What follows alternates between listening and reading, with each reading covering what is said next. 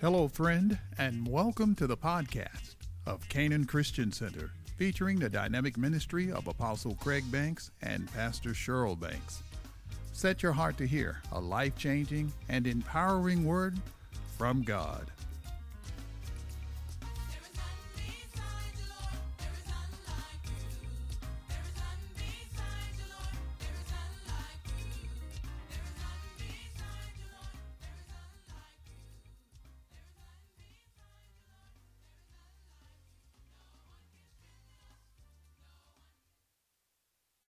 Verse 13 and 14, it says, Therefore, gird up the loins of your mind, be sober, and rest your hope fully upon the grace that is to be brought to you at the revelation of Jesus Christ. As obedient children, not conforming yourselves to the former lust, as in your ignorance. Tell your neighbor, say, Don't be ignorant. They didn't believe you. Find you another neighbor and tell them, say, Don't be ignorant.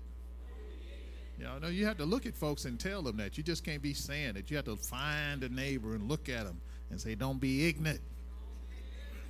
Amen. Uh, I know when you're in the South, you can get away with ignorant. Amen. Most of you come up, your folks told you that. Don't be ignorant. Amen. Um, if you're taking notes, I want you, even if you're not, I want you to remember three words in this message that I'm going to share with you today. And for those of you that like taking notes, the title of this is called Grace for Obedience. Grace for Obedience. Amen. So, three words I want you to keep in your heart and in your hearing, and that is obedience, increase, and inheritance. Obedience, increase, and inheritance. Obedience, increase, and inheritance. Uh, recently, we taught you about God's increase. Amen. Everybody say increase. increase. How many of you believe God wants you to increase? Amen. The Bible tells us in Psalms 115 that uh, God has us on his mind all the time. And also, what he has on his mind where we're concerned is our increase. So he's thinking about it all the time. He even said in that Psalms that you may increase more and more, you and your children. Amen. And so I don't care if you got 150 children and you're like the old woman that lived in the shoe, had so many children she didn't know what to do. God is saying there is an inheritance for ever last one of them. Amen. Say, I have an inheritance. And there's increase with it. So we taught you about God's increase. And uh, in order for God's increase uh, to manifest consistently in our life and to be sustained in our life, we got to provide the avenues for God to bring his plan to pass. Amen. So we just think it's going to fall out the tree, but we got to learn how to uh, uh, discover the laws of the kingdom of God and then operate the laws. When you operate the laws of the kingdom, stuff works. Violate the laws, stuff don't work. It's just as simple as that. And so there are no big I's or little U's in the kingdom. Amen. Well, you don't know what I did last week. God knows what you did last week. You know what you did last week. Repent of what you did last week, and your slate is clean. And get yourself on into what belongs to you. Amen. Amen. So, because God is the source of all provision, uh, our obedience, our faith, and our faithfulness to Him are the pathways that brings this abundance to us. Y'all get that? Obedience, faith, and faithfulness. See, we like to do an act of faith and then think things are supposed to happen. But God is looking for faithfulness. Amen. Uh, tell a neighbor that you got to develop a resume of faithfulness. Amen. Amen. So uh, when we received Jesus, we received his grace. And uh, grace is not a thing. If you really study it out, grace is him. grace is Jesus. Jesus is the grace. Amen. Amen. Go over to St. John chapter 1, uh, verse 16. Let's take a look at this. I want to read it to you out of the Amplified. Uh, uh, they can pull it up for you. Uh, you can look at it in whatever version you have. But St. John 1 and verse 16 and 17, it says, For out of his fullness, this is the Amplified version, out of his fullness or his abundance, we have all received, all have uh, had a share, and we are all supplied with one grace after another, and spiritual blessing upon spiritual blessing, and even favor upon favor, and gift heaped upon gift. For while the law was given through Moses, grace, unearned, undeserved favor, and spiritual blessing and truth came through Jesus Christ. Say, He's given me grace in abundance. So it says, out of His abundance, He gave us all of this. Out of His abundance, uh, He's given to us one grace after another, after another, after another. If you go and look at Second Corinthians uh, 9, it says uh, that uh, all grace may abound towards you. Amen. Amen. This is how God operates, and we want to get this in your thinking, uh, on your heart. Get it uh, drilled into your into your heart that you're God. This is how He thinks. Now, here's the definition of grace for all of you who have forgotten. Grace is the supernatural ability, uh, God's ability to to given to us to obey God's word, to live a life of holiness and live a sin-free life, and then serve Him acceptably. That's grace. Here's another definition of grace it's God's willingness to use his ability on our behalf. Here's another one it's the power of God to meet the evil tendencies in our members or our soul with equal or greater force so that we can overcome all of them. Amen. So there's no excuse to stay for our soul to stay the way it has been. Amen. The Bible tells us to renew our mind and we try to memorize scripture. No, he says reprogram the thing. But you can do it by the grace of God. Tell your neighbor, say, you can do it. Here's another definition it's God's divine enablement or empowerment to achieve his plan, to endure hardship, and to access him. Grace. Everybody say grace. So when grace is received, uh, there's a variety of dynamic and powerful things that begin to take place. And one of those things is tangible blessings begin to be imparted into the lives uh, of the people of God. And then your life and others' lives are lifted up because you have received the grace of God.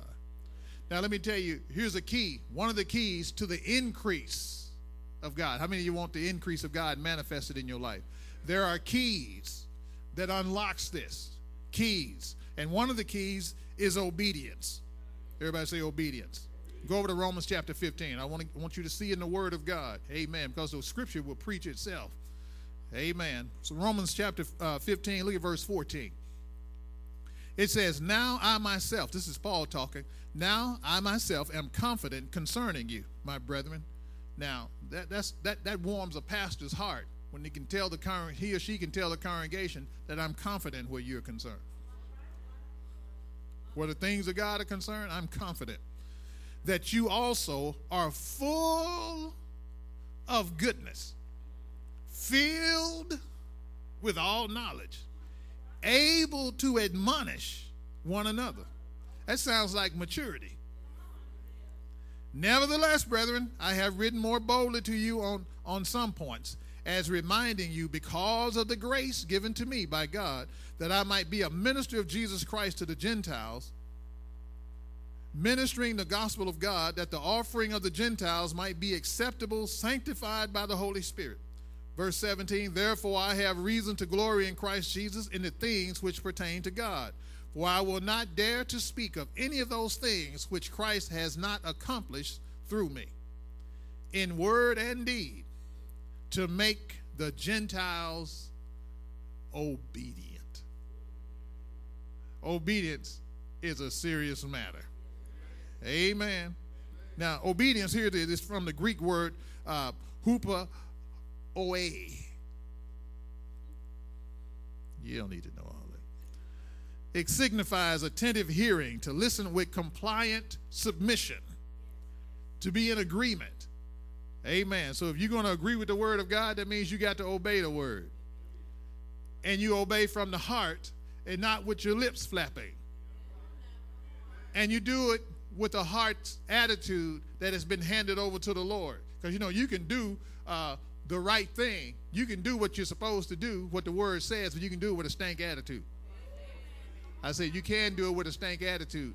And that stank attitude can be the thing that derails you or shuts the door, crimps the line from uh, uh, the increase manifesting in your life.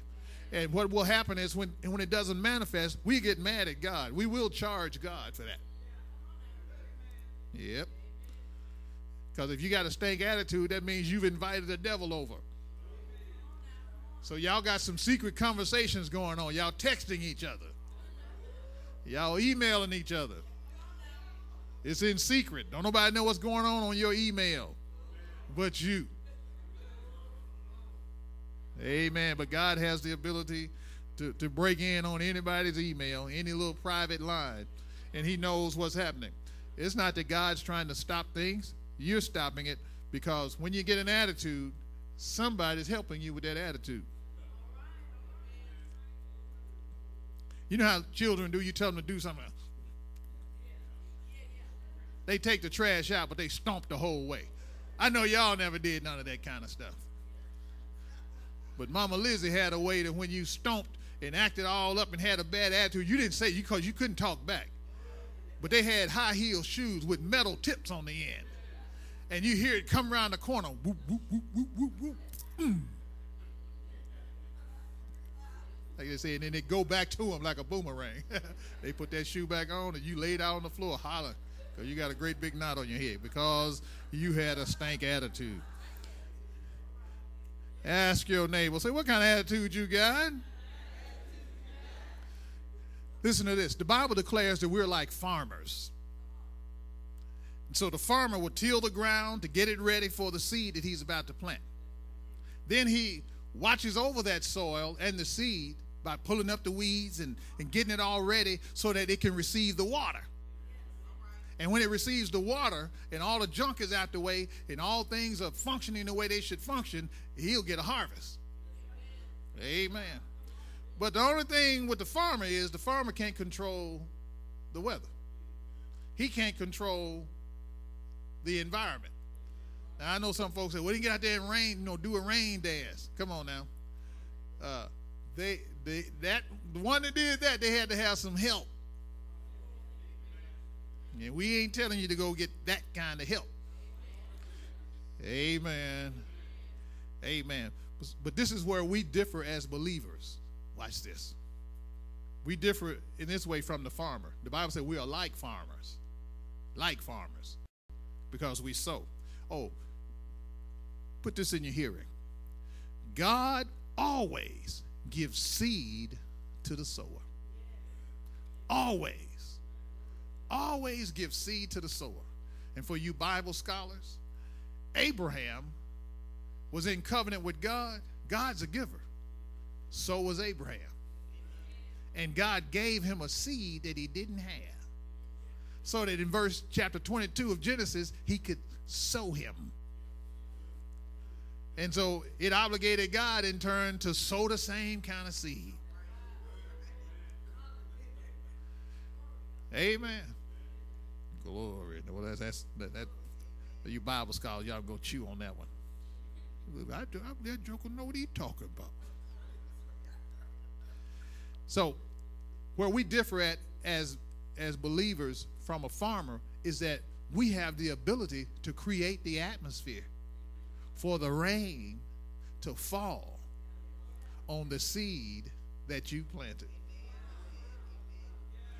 Go over to First Kings. Amen. Because you can create an atmosphere to get God's rain. You can create, say, I can create the atmosphere to get God's rain. Because, see, rain only comes when the atmospheric conditions are correct. Amen. Go over to 1 Kings chapter 18. Look at verse 41. This is about Elijah during the time of a drought. Amen. We're familiar with this, but let's read it. Uh, then Elijah said to Ahab, Go up, eat and drink, for there is a sound of abundance of rain. Verse 41. Now look at verse 44. Then it came to pass the seventh time. See, he began to pray. He began to affect the atmosphere. Amen.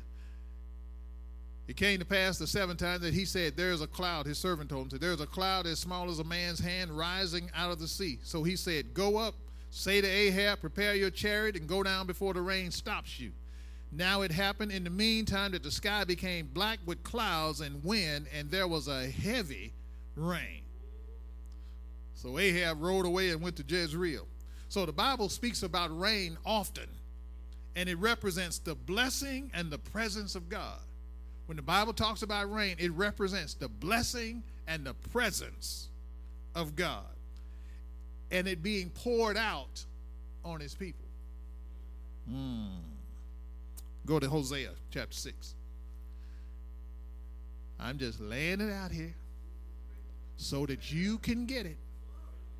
Because when we learn to be obedient, receive the grace of God. Let me say this uh, while you're going to uh, uh, Hosea.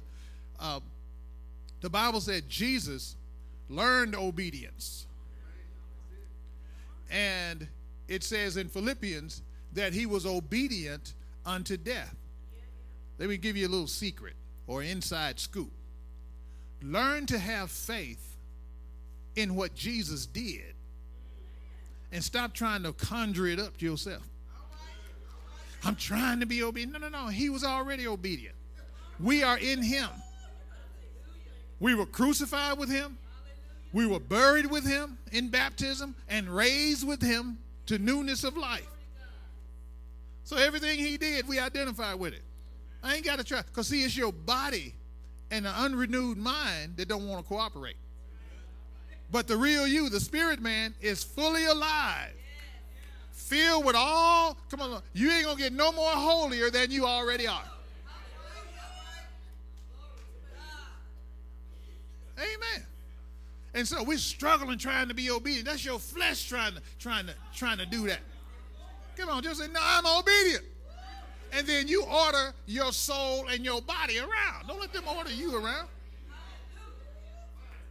Amen. It takes the struggle out of it. Look at somebody and say, go ahead and live this thing. Hosea chapter 6. Y'all come on. Hosea chapter 6. It says, uh, verse 3 Let us know, let us pursue the knowledge of the Lord. His going forth is established as the morning. He will come to us like the rain, like the latter and the former rain to the earth. So, in other words, God says, I'm going to rain from heaven on you in the earth.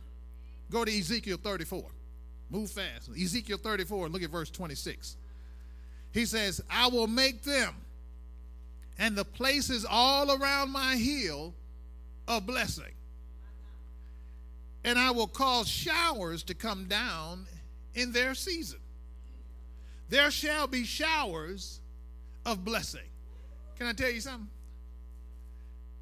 God will change your season. So sometimes we're like, well, you know, I, I haven't done this and I haven't done that. He didn't ask you to try to work up nothing. Sidebar. You know, the, y'all, y'all know the parable of, about the prodigal son? You go back and read it, it starts out, there was a certain man. Seemed like if it's about the prodigal son, it would have said there was two boys, two sons, and one did this and the other one did that. But he starts out talking about there was a certain man. So it really wasn't about the prodigal son. It was about the good daddy. Because when the one that, that said, give me, give me, give me my part of the inheritance, and he went out and squandered it and did all riotous living and all that. And after everything was gone, he wound up living with, uh, in the hog pen. And the Bible said, then he came to himself and he got this thing together. He said, you know, I'm gonna go to my father and say, you know, I've I've sinned against you and I'm against God and blah blah blah blah blah. And, the, and then he went went home. And the Bible said, long before he got home, before he got to the house to ring the doorbell, before he got to the front gate, while he was way off. It said his father saw him. So it meant he was looking for him. And, and dad had left the house, didn't wait for the, uh, you know, wait for him to bring his old long head behind on him. No, the Bible says he ran and fell upon his neck. And didn't even let him get his, his, uh, his, his little line out, uh, you know, about how he had messed up and all that. He told his servants, Kill the fatted calf. Change those raggedy clothes he got on. Give him a royal bath. Put the royal robe on him. Put a ring on his finger. Give him authority. Put some new shoes on his feet and kill the fatted calf because it's time to party. And the Bible say the other son was working hard and he was mad. And then he, one of the servants said, mm, your, your brother who was lost, he done come back, and your daddy said, kill the fatted calf, and everybody's excited. You coming in? No. He wouldn't even acknowledge his only brother. And get, get this. He, this man, or this brother, his father came out to him and he said, I worked all this and I never did nothing wrong and so forth and so on. And uh, you ain't never killed no fatty calf for me and my friends. He said, Son, it's always been here for you. Here's my point. The other oldest, the other brother, he was busy trying to earn what was already his. He's trying to earn what he already got. He wanted his daddy's approval. He already had it. He working hard so daddy'll be proud of me. I'm already proud of you. God's already proud of you. I ain't got no nursery rhyme. Uh, the foot bone connected to the ankle bone. And uh, the ankle bone connected to the leg bone. And uh, the leg bone's connected to the knee bone. And the knee bone connected to the hip bone. He's a short man. Y'all come on here. See, when you understand the dispensation that we're living in, the dispensation of grace, because of this, God is bringing his increase to his people and raining his rain upon us so we can start flowing with him and see the rain of his anointing in our life. Amen. Go over to Psalm 16 because I want you to know you got a good inheritance. You've got an inheritance. You ain't going, you ain't about to get one, you ain't finna. God's getting ready to give you one. You already got it. You already have an inheritance. Say, I have an inheritance. Psalm 16, look at verse 5.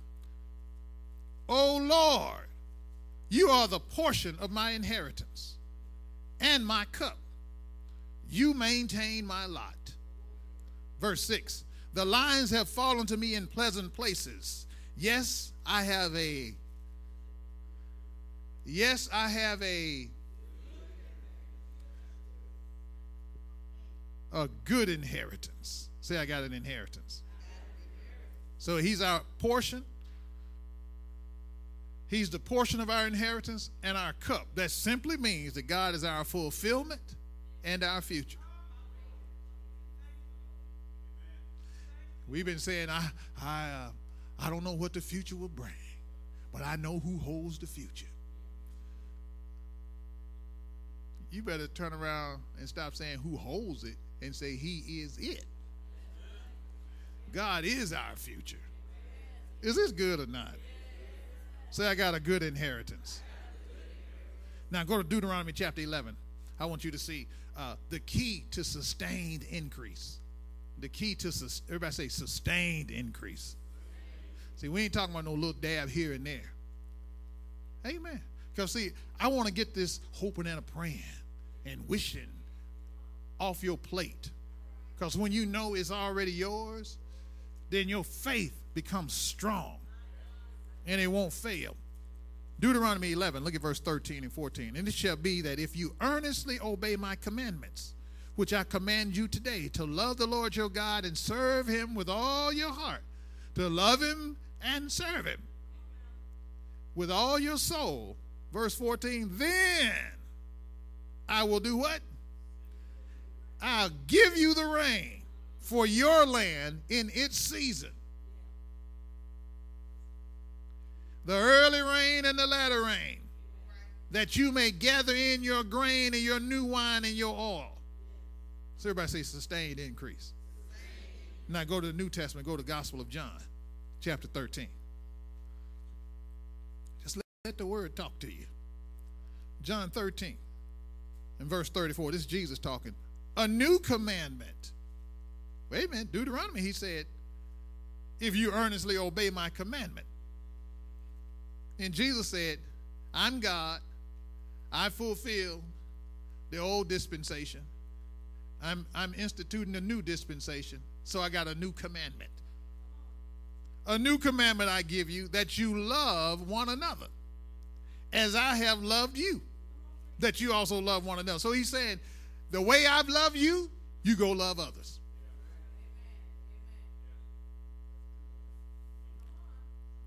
So here we got some clear instructions in both of these scriptures. In Deuteronomy, we got instructions from God to the to the children of Israel. He gave them instructions for bringing a sustained increase of harvest. If it worked for them, it works for us. Because the commandment was to obey and to love. Obey and love. See, we, we want to obey, we don't want to love. You just cut yourself out. We want to love, but we don't want to obey. It ain't love without the obedience. Amen. So watch this. Notice that the uh, when the rain came, watch this in Deuteronomy. When the rain came, increase came with it. When the rains came, increase comes along with the rain. Oh, y'all ain't getting it. So if you create the atmosphere for the rain of God to fall, the increase comes with it. What creates the atmosphere? One little simple word obedience. and what do we struggle with? I'm trying to do what the Lord say, but you know it's hard. No, that's because you your flesh is dominating. It's hard on your flesh. Husbands love your wife. It's kind of hard. That's your flesh. It wasn't hard when you said I do. Oh yes, I do. Preacher can't even get the question out of his mouth good. I do. They're like, not yet, not yet. Oh.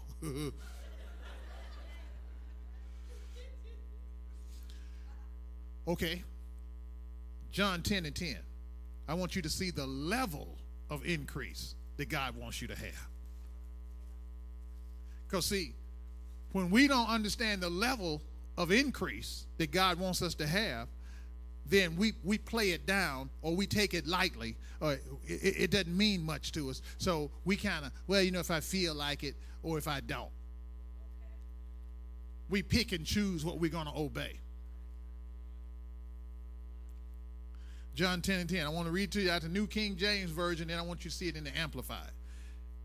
It says, The thief does not, this is Jesus talking. He said, The thief does not come except to steal, kill, and destroy. I have come that they might have life and that they may have it more abundantly. That word life is, is the Greek word zoe, talking about the life of God. Jesus said, I came that they might have God's life, the very life that God lives, and that they'll have it abundantly. Abundantly. Abundantly. Here's the Amplified. It says, The thief comes in order only to steal and kill and destroy. I came that they might have and enjoy life and have it in abundance to the full till it overflows. Is your life overflowing? Amen. This is what Jesus said. This is what I came to set up. This is what I came to give you. Now he's given it to overflow. That means every area of your life. When your marriage is working and it's just heaven on earth, that's overflow. When you got more than enough money and you can be a blessing to others and you ain't trying to uh, uh, run and catch something before it gets to the place that you sent it. Come on now. That's overflow. See, we've been reading this stuff real fast. We've been rushing through the scriptures and not getting what he's saying. Oh, the thief only come but for to steal, kill, and destroy. But the Lord said, I come that they might have life. Slow your roll. I came that you would have the very life that God lives, the very life that Jesus is, himself is living, and have it in abundance until it overflows. And if where you are now, your life has hit overflow in every area, then God causes increase to come even to you. Amen. I was talking to uh, Minister Stockdale the other day, and we were talking about something, and God will enlarge you where you are till you max out where you are. Then all of a sudden, it's like, bam, he puts you at another level. And the next level is like picture your shoe. I don't care how big or small it is, your shoe. Now set in the middle of a football field that's inside of a big stadium. The field is not all the space there is. Everything outside your shoe is what's got to be filled.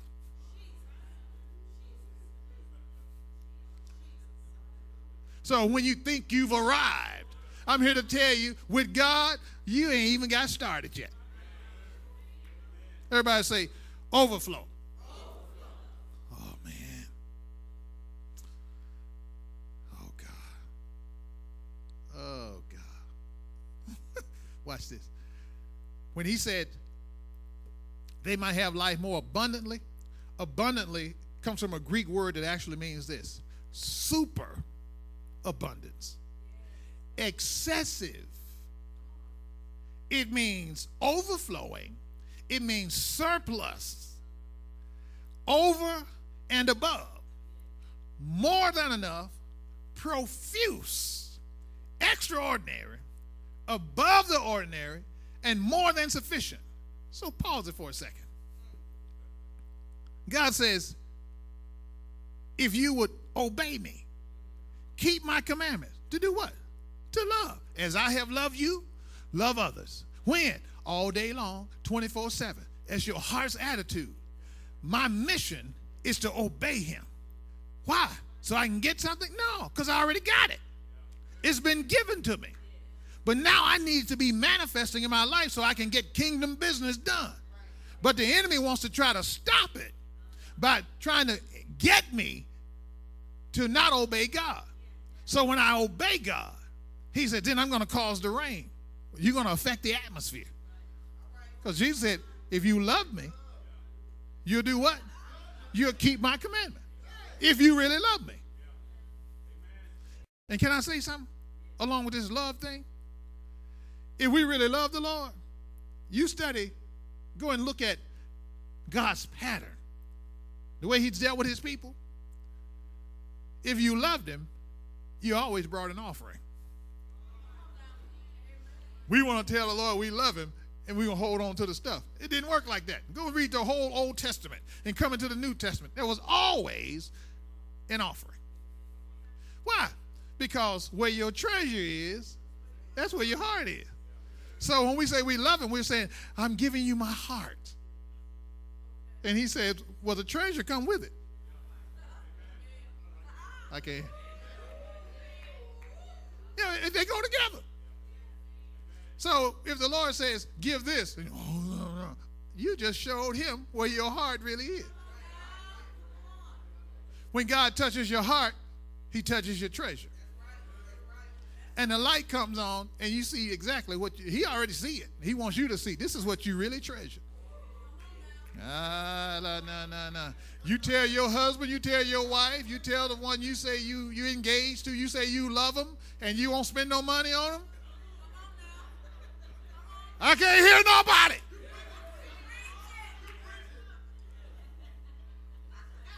that love is bogus Come on, look at somebody. Look at me in the eye and say, What you toting? Bogus stuff.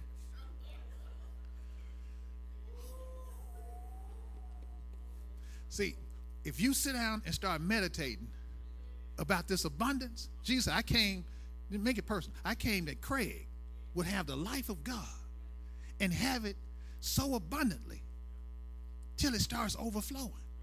And he didn't say just overflow, overflows. It's just continuous, perpetual, all the time, all the time, all the time. See, your inheritance is not a little bit to get you through to something better and bigger come along. I just told you that Ephesians said, God said, I'm so committed to this deal that Jesus cut on the cross on your behalf by shedding his blood and dying, going to hell, and being raised by the, by the Spirit of God, the same Spirit that raised Christ from the dead, God says, I'm going to give you my Spirit as a down payment, as earnest money.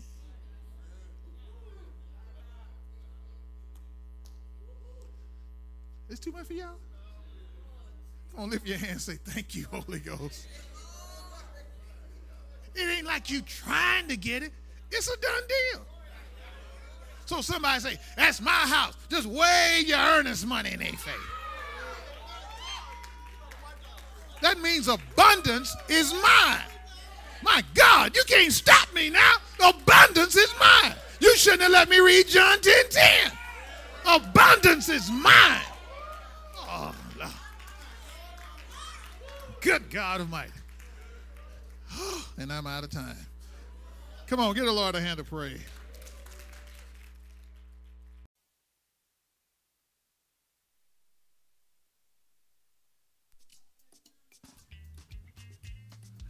We trust that you were blessed by this dynamic word. Visit us online at ccctr.org and allow Christ to reproduce his heart in you, the heart of the ideal servant.